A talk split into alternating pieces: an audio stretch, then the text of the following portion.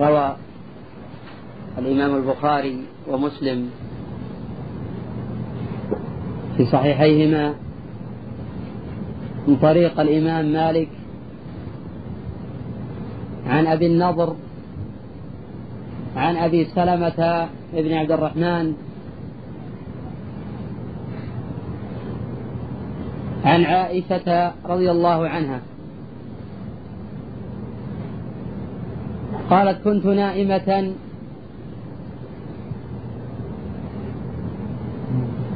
بين يدي رسول الله صلى الله عليه وسلم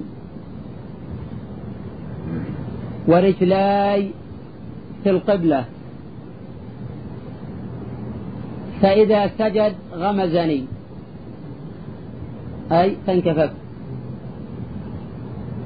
وإذا قام بسطتهما وليس يومئذ في البيوت مصابيح. وجاء في الصحيحين من طرق. جاء في الصحيحين من طرق. عن هشام بن عروة. عن أبيه. عن عائشة. وفي آخره. وإذا أراد أن يوتر أيقظني فأوترت. هذا الخبر المتفق على صحته. مشتمل على كثير الفوائد. غزير المعاني.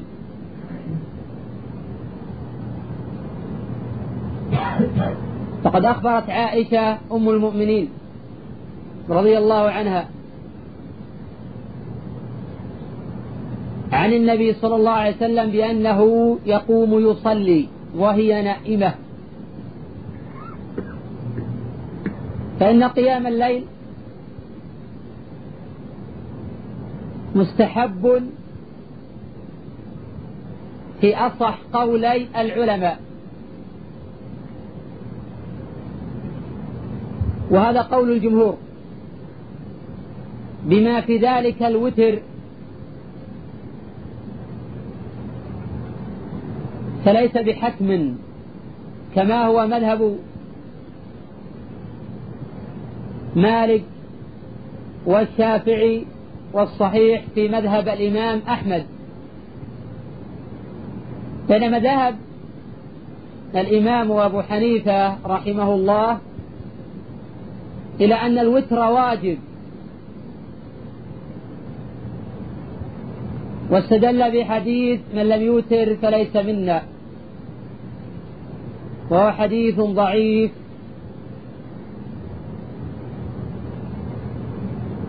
وقد دلت الأحاديث الصحيحة على استحباب الوتر وعدم وجوبه. فلم يفرض الله جل وعلا من الصلوات شيئا إلا الخمس.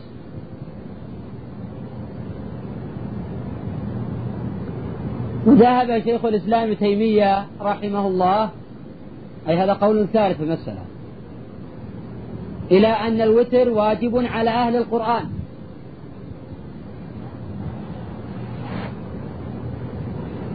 فقد جاء في بعض السنيد حديث أبي عبيدة عن أبي عند أبي داود. حين قال الأعرابي يستفصل عن ذلك أسد ليست لك قال له النبي صلى الله عليه وسلم ليست لك ولا لأصحابك. وهذا الخبر أيضا فيه كلام. وعلى فرض صحته فلا يفيد هذا الخبر وجوب الوتر. وإن دل على ذلك فالأحاديث الصحيحة الأخرى تصرفه عن ذلك.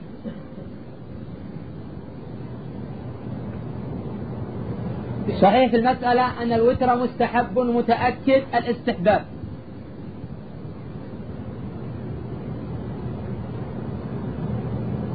ويبدأ وقته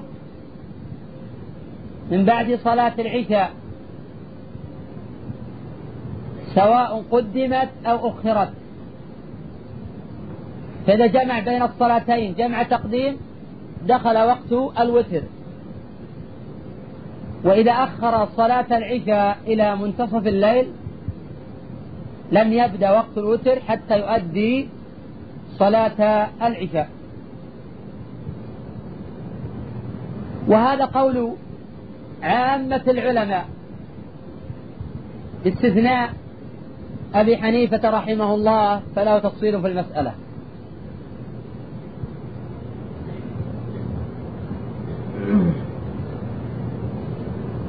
الوتر يصح أداؤه بركعة واحدة. من أي أول الليل أو أوسطه أو آخره.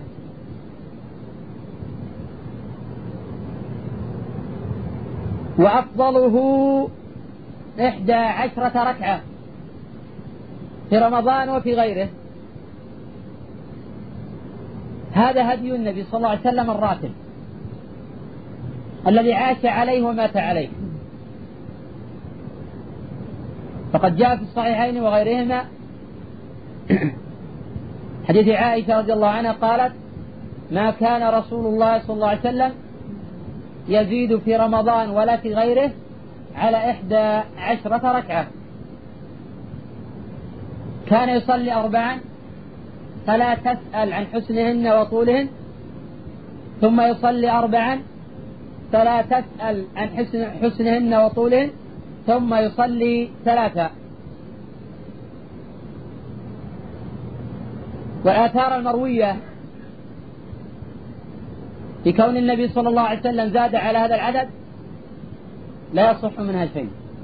والآثار المروية أيضا عن أمير المؤمنين عمر رضي الله عنه لأنه كان يصلي ثلاثا وعشرين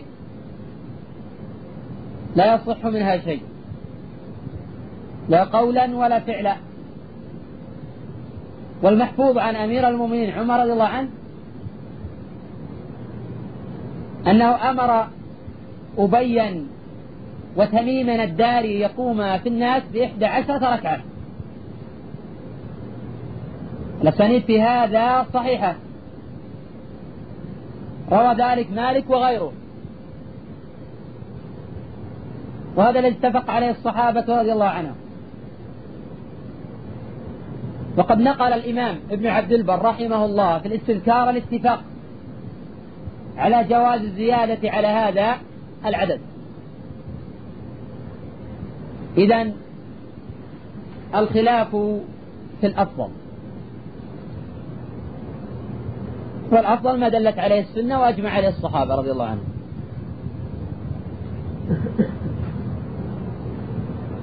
وينتهي وقت الوتر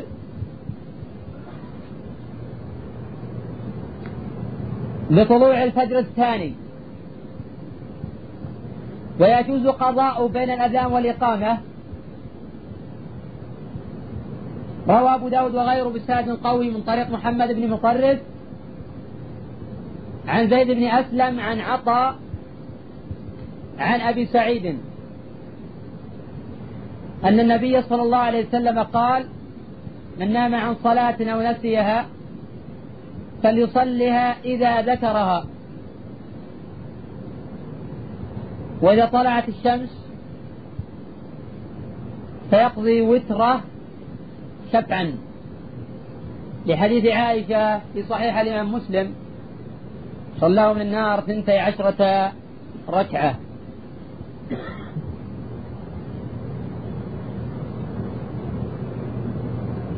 تقول عائشة رضي الله عنها كنت نائمة أي معترضة بين يدي رسول الله صلى الله عليه وسلم ورجلاي في القبلة. احتج بهذا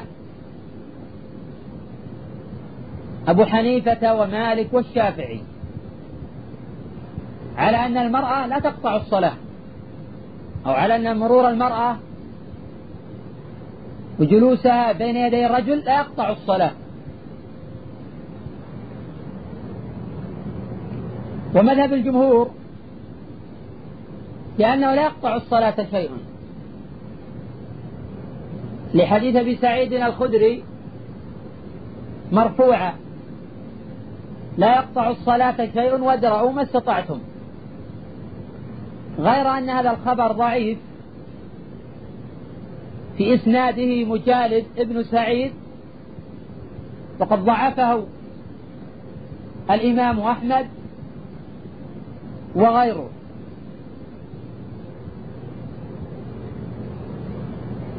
وذهب الإمام أحمد رحمه الله إلى أن المرأة والكلب الأسود والحمار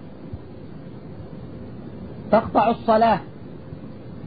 وهذا القطع حسي يقتضي إعادة الصلاة من جديد. وهذا اختيار الإمامين. شيخ الإسلام ابن تيمية وتلميذه العلامة ابن القيم. بدليل حديث أبي ذر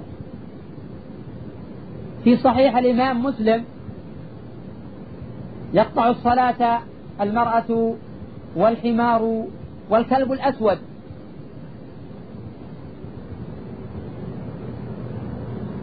وعن أحمد رواية رحمه الله هل يقطع الصلاة الكلب الأسود؟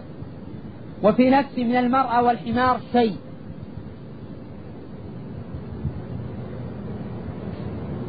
أجاب القائلون بقطع الصلاة بهذه الأمور الثلاثة عن حديث عائشة في هذا الباب بأنها قارة. وفرق بين القار والمار. وفرق بين القار والمار. ولفظ حديث أبي ذر إذا مر بين يديه.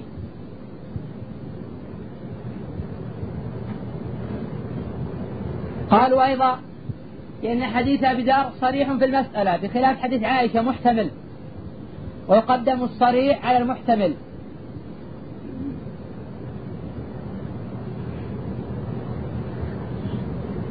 من المعلوم أن هذه المسألة من مسائل الاختلاف؟ والأدلة بين الطائفتين والفريقين كثيرة جدا. لكن بمناسبة آه، ورود هذا الحديث أشرت إلى هذه الفائدة. عن جماهير أهل العلم. أنهم قالوا في هذا الخبر دليل على المرأة لا تقطع الصلاة.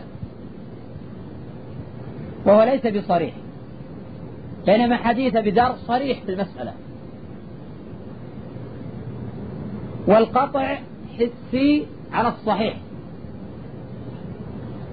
غير أنه يغتفر ذلك في أوقات الزحام. وكذلك هذه الأمور الثلاثة لا تقطع صلاة المأموم. إنما تقطع صلاة المنفرد وصلاة الإمام إذا مرت بين يديه. وقد قيدت المرأة بالبالغ والكلب الأسود البهيم. البهيم الذي لا يخالط لونه لون آخر. هو الحمار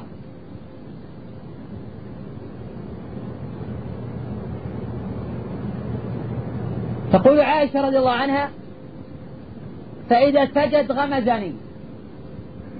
احتج بهذا الإمام أبو حنيفة رحمه الله على أن مس المرأة لا ينقض الوضوء.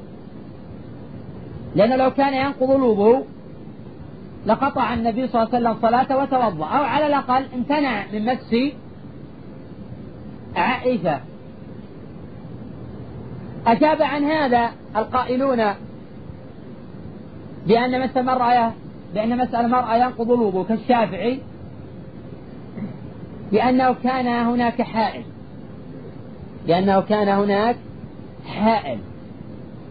ومس المرأة بحائل لا ينقض الوضوء.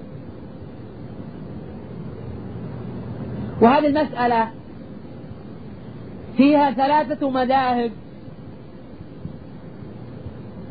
لأهل العلم. المذهب الأول أن مس المرأة ينقض الوضوء مطلقا. سواء كان بشهوة أو بغير شهوة. سواء كانت ذات محرم أو لم تكن. وهذا مذهب الإمام المطلبي الشافعي عليه رحمة الله. نعم. لا وهذا مذهب الإمام المطلبي الشافعي رحمه الله.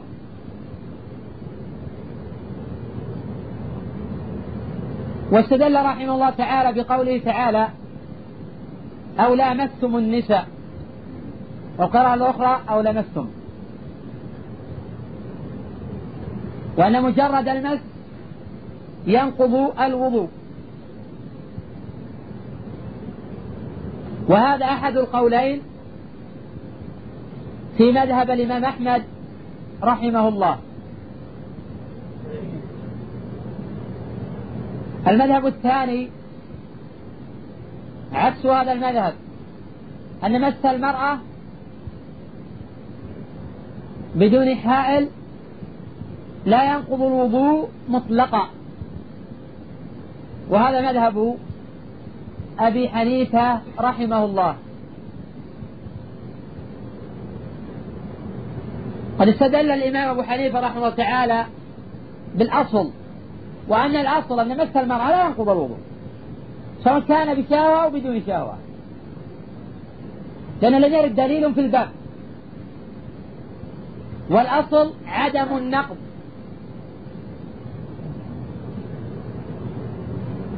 والأصل عدم النقض. حتى يثبت دليل.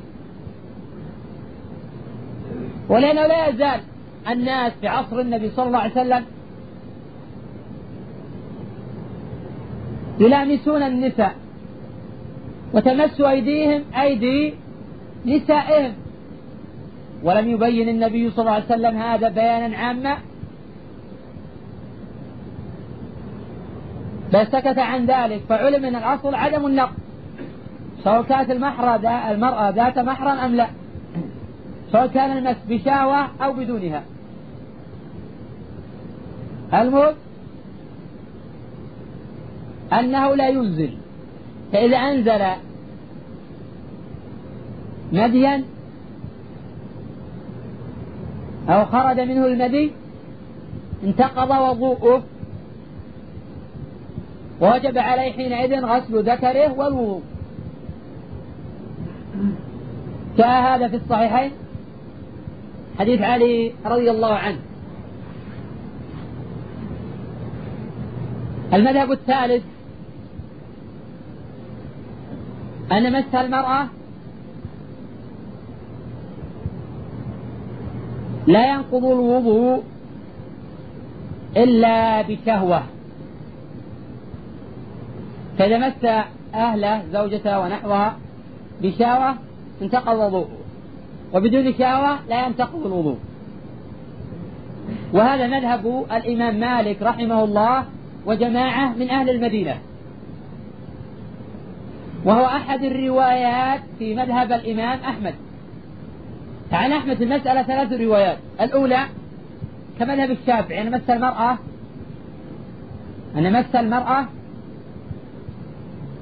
بحائل أو بدون حائل. الأخ نعم. أي لكن بحائل أو بدون حائل. بدون حائل. ينقض الوضوء. هذا مذهب الشافعي ورواية عن أحمد. المذهب الرواية الثانية عن أحمد كمذهب أبي حنيفة. أن مس المرأة بدون حائل لا ينقض الوضوء مطلقا. المذهب الثالث مذهب مالك التفريق بين الشهوة وغيرها.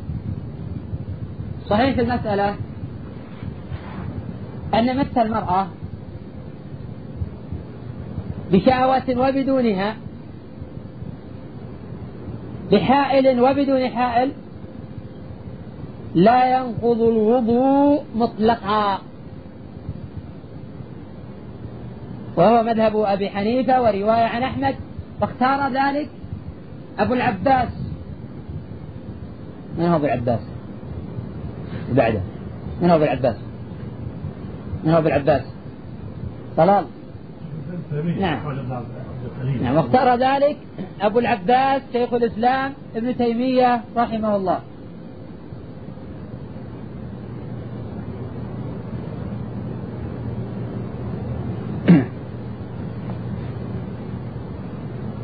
ويرجح هذا القول على غيره من وجوه. الوجه الأول أنه الأصل. الوجه الثاني أن الأمة تبتلى بمثل هذا. ولم يبين النبي صلى الله عليه وسلم شيئا من ذلك. والله جل وعلا ما فرطنا في الكتاب من شيء. الله جل وعلا يقول وما كان ربك نسيا. وقال أبو ذر ما طائر يقلب جناحيه في الهواء إلا وذكر لنا من رسول الله صلى الله عليه وسلم علما. رواه أحمد وغيره من طريق. شمر بن عطية عن الأشياخ عن أبي ذر. الدليل الثالث أن النبي صلى الله عليه وسلم كان يلامس أهله ولم يذكر عنه أنه توضأ. وقد جاء عند الترمذي أنه قبل إحدى زوجاته فخرج وصلى ولم يتوضأ. غير أن هذا الخبر معلول ولا يصح. وحديث الباب في دلالة لا بأس بها على أن مس المرأة لا ينقض الوضوء. لأن الأصل في النائم ولا سيما من الزوجة مع زوجها أن ليس هناك حائل. ولا سيما أيضا أن النبي صلى الله عليه وسلم كان يغمزها مع قدميها. والأصل في هذا ألا يكون هناك حائل.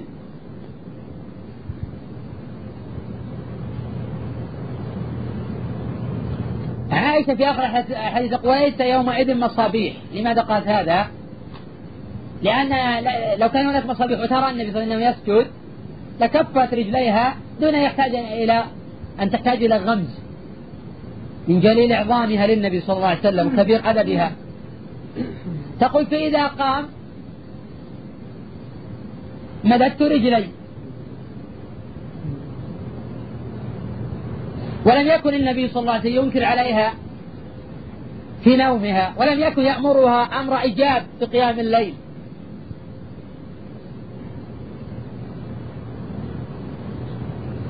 ولذلك في رواية هشام بن عروة في الصحيحين عن أبي عن عائشة فإذا أراد أن يوتر أيقظني فأوترت في هذا دلالتان. الدلالة الأولى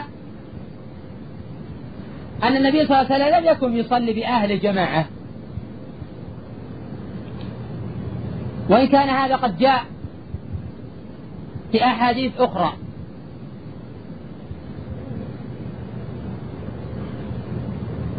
والصحيح في هذه القضية أنه لا يشرع تقصد الجماعة في النوافل في غير ما جاء الدليل فيه كصلاة التراويح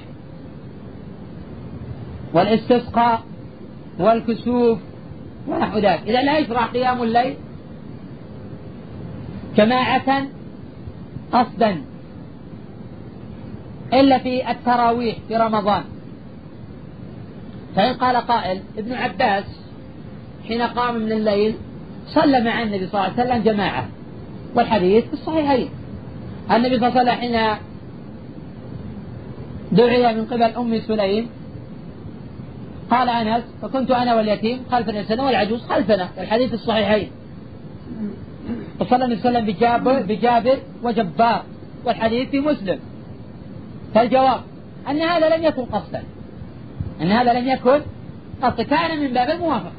فلا مانع أن أدخل المسجد وأرى أناس جالسين ثم أعرض عليهم أن أصلي بهم. لا حرج ذلك لأنه لم يكن قصدا. إذا المنهي عنه القصد لأن هذا لم يرد فيه نص. والأصل في العبادات التوقيف. فإذا قام مع الصاحب في الليل بدون تواطؤ فلا حرج في ذلك. فإذا الثاني يأخذ من الحديث. في معنى قول صلى الله عليه وسلم الآخر اجعلوا آخر صلاتكم بالليل وترا. ولكن لو أوتر أول الليل وقام في آخره يصلي شفعا شفعا. ولا يوتر وترين في ليلة واحدة.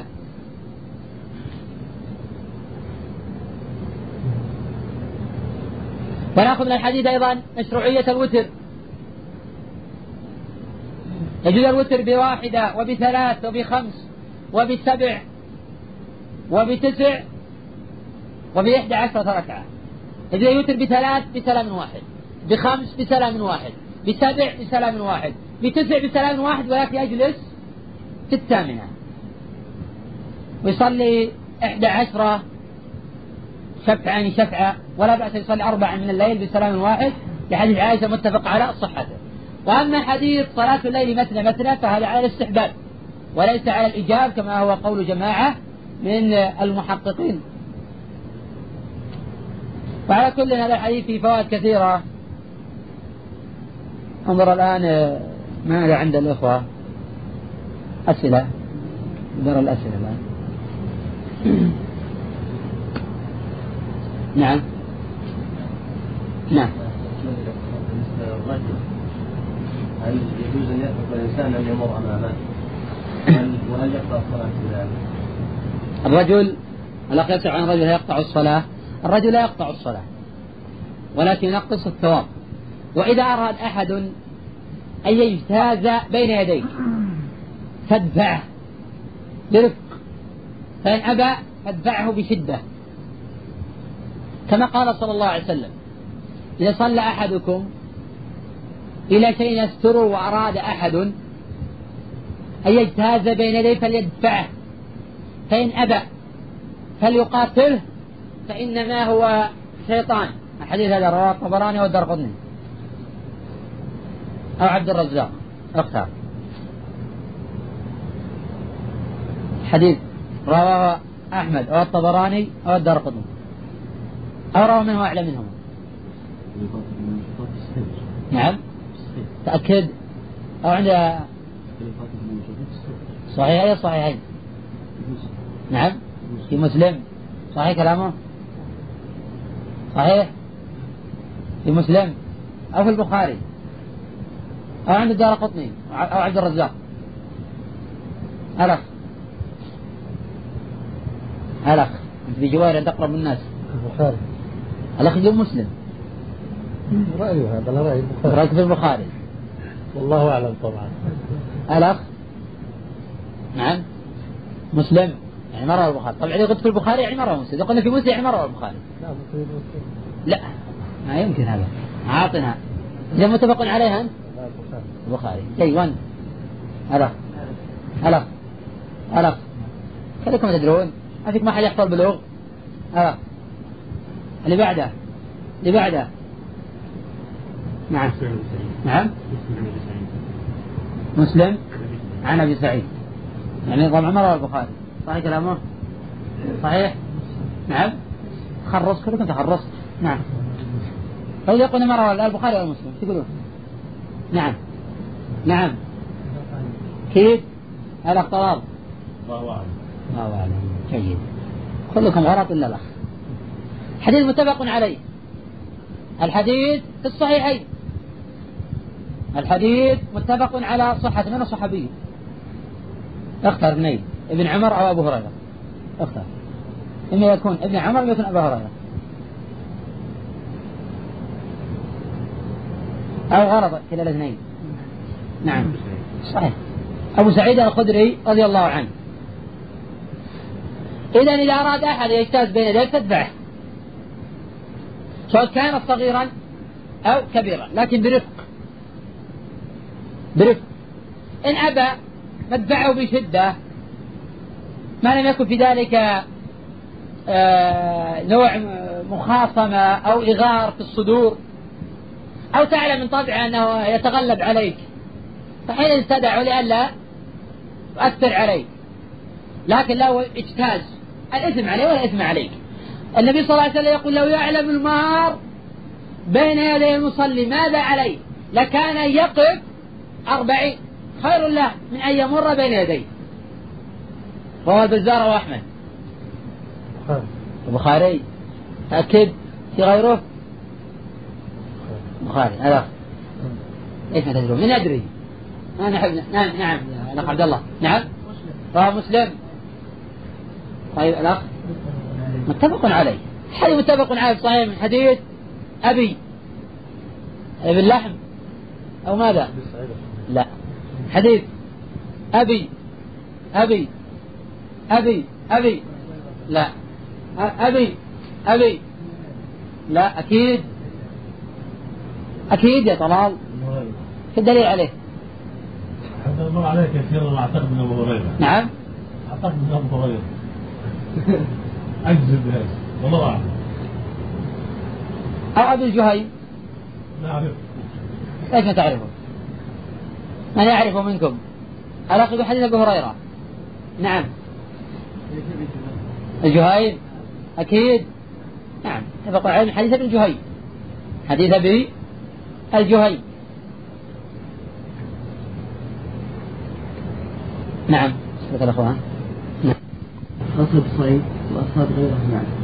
يأكل. يعني الأخ يسأل عمن آه، قصد صيدا وأطلق عليه الرصاص والنباطة.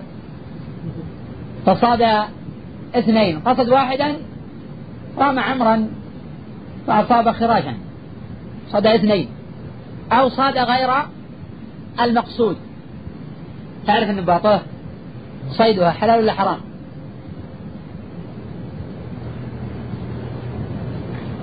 ما تنسى حلال ولا حرام؟ الأخ يوسف. نعم. حرام. حرام. على الإطلاق حرام. لا إذا لم طيب نباطة حجر يعني. حجر يقذف إذا لم تفهم نعم. إذا لم تفهم إذا أصابت من غير فرق الدم لا أنا مثلا أطلقته وسقط ميتا. آكل ولا ما آكله؟ كان فرق لحظة أنا الأخ ما انتهينا من الأخ. كان فرق نعم. إن كان أ- أصاب دما. فهو حلال. وإلا وإن صاب بثقله وحرام ولا دخل يطلب جيد. نعم. صحيح يقول إذا صادت بثقل الحجر سقط من ثقل الحجر يكون حينئذ حراما. في آية في القرآن تدعو على حرمته؟ موقودة هذه هي الموقودة والمتردية والنطيحة. إذا هذا حرام. وإذا أنهر الدم.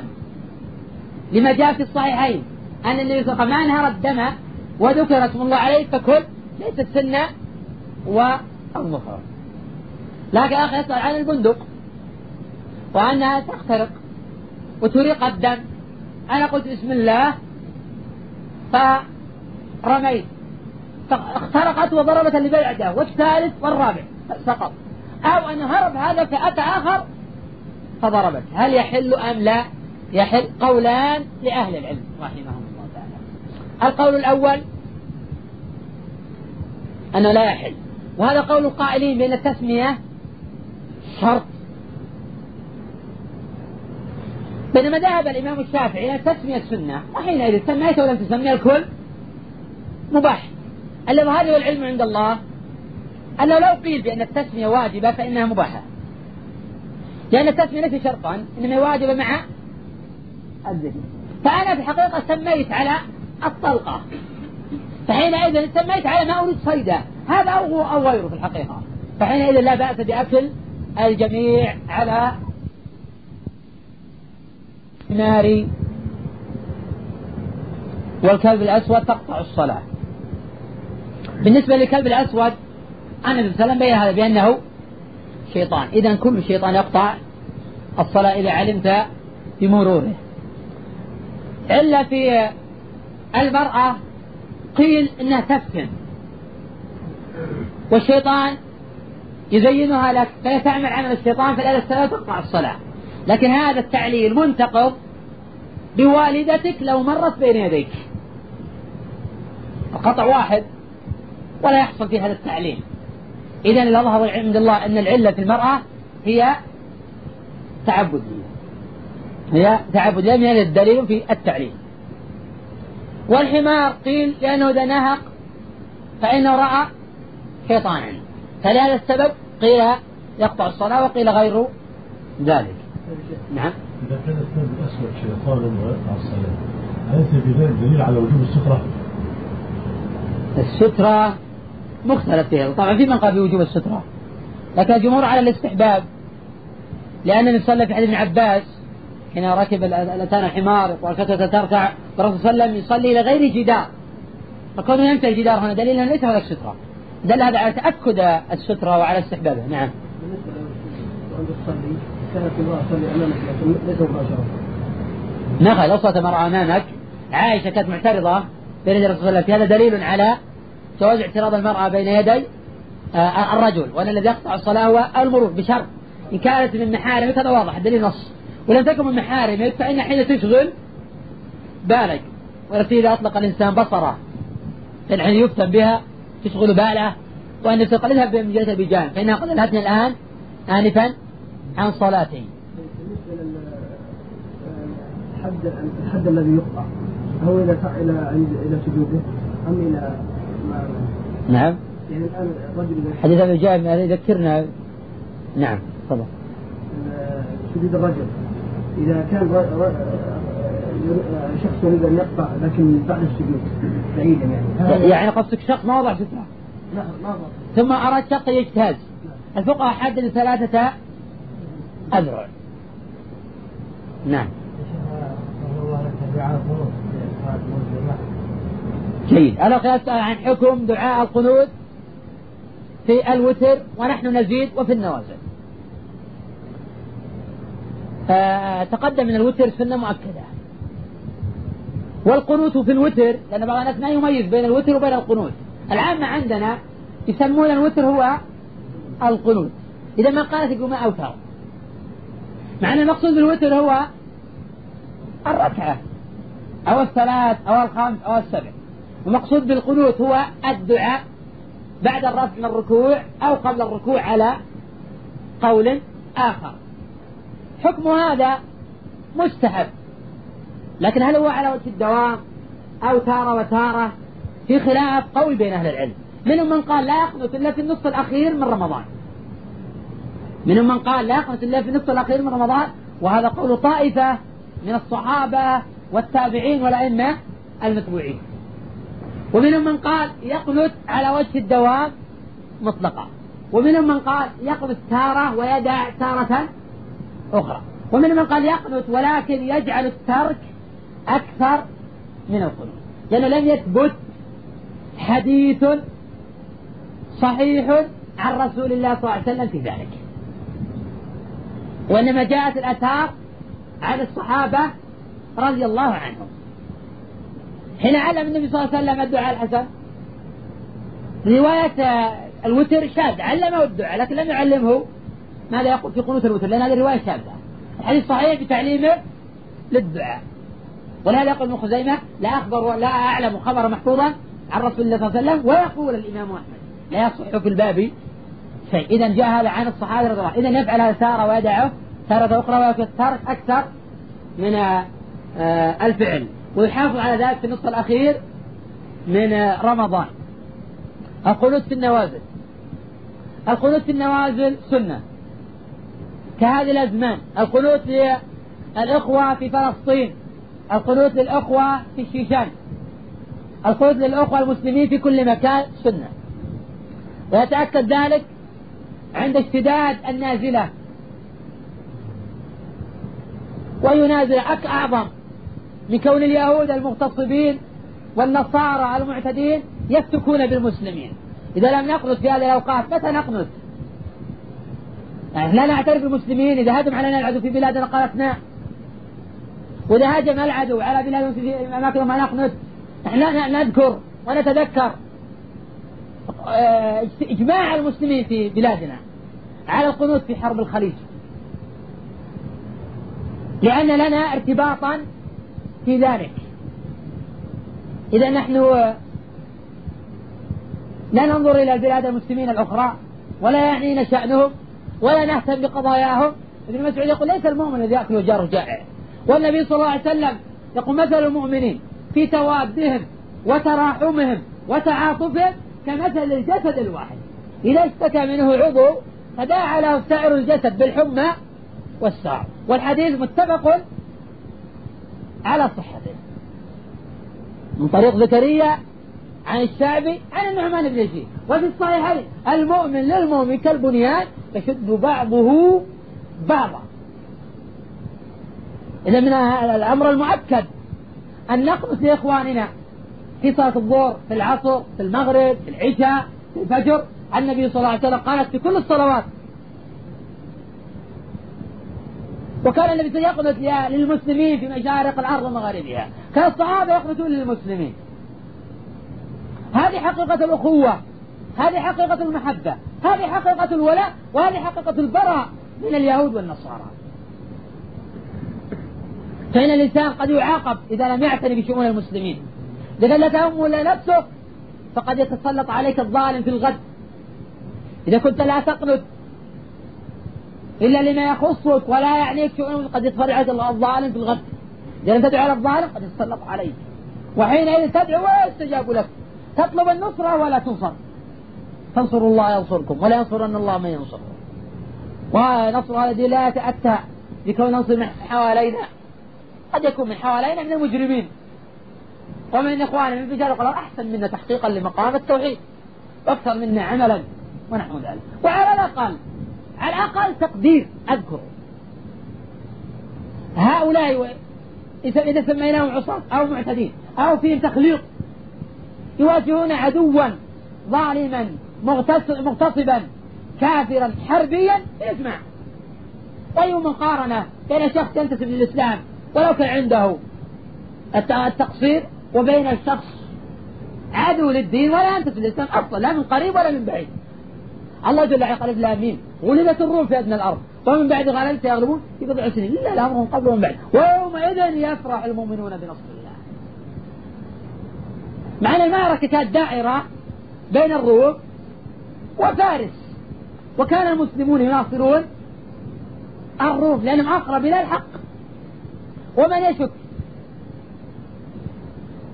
أن هؤلاء أقرب إلى الحق من اليهود؟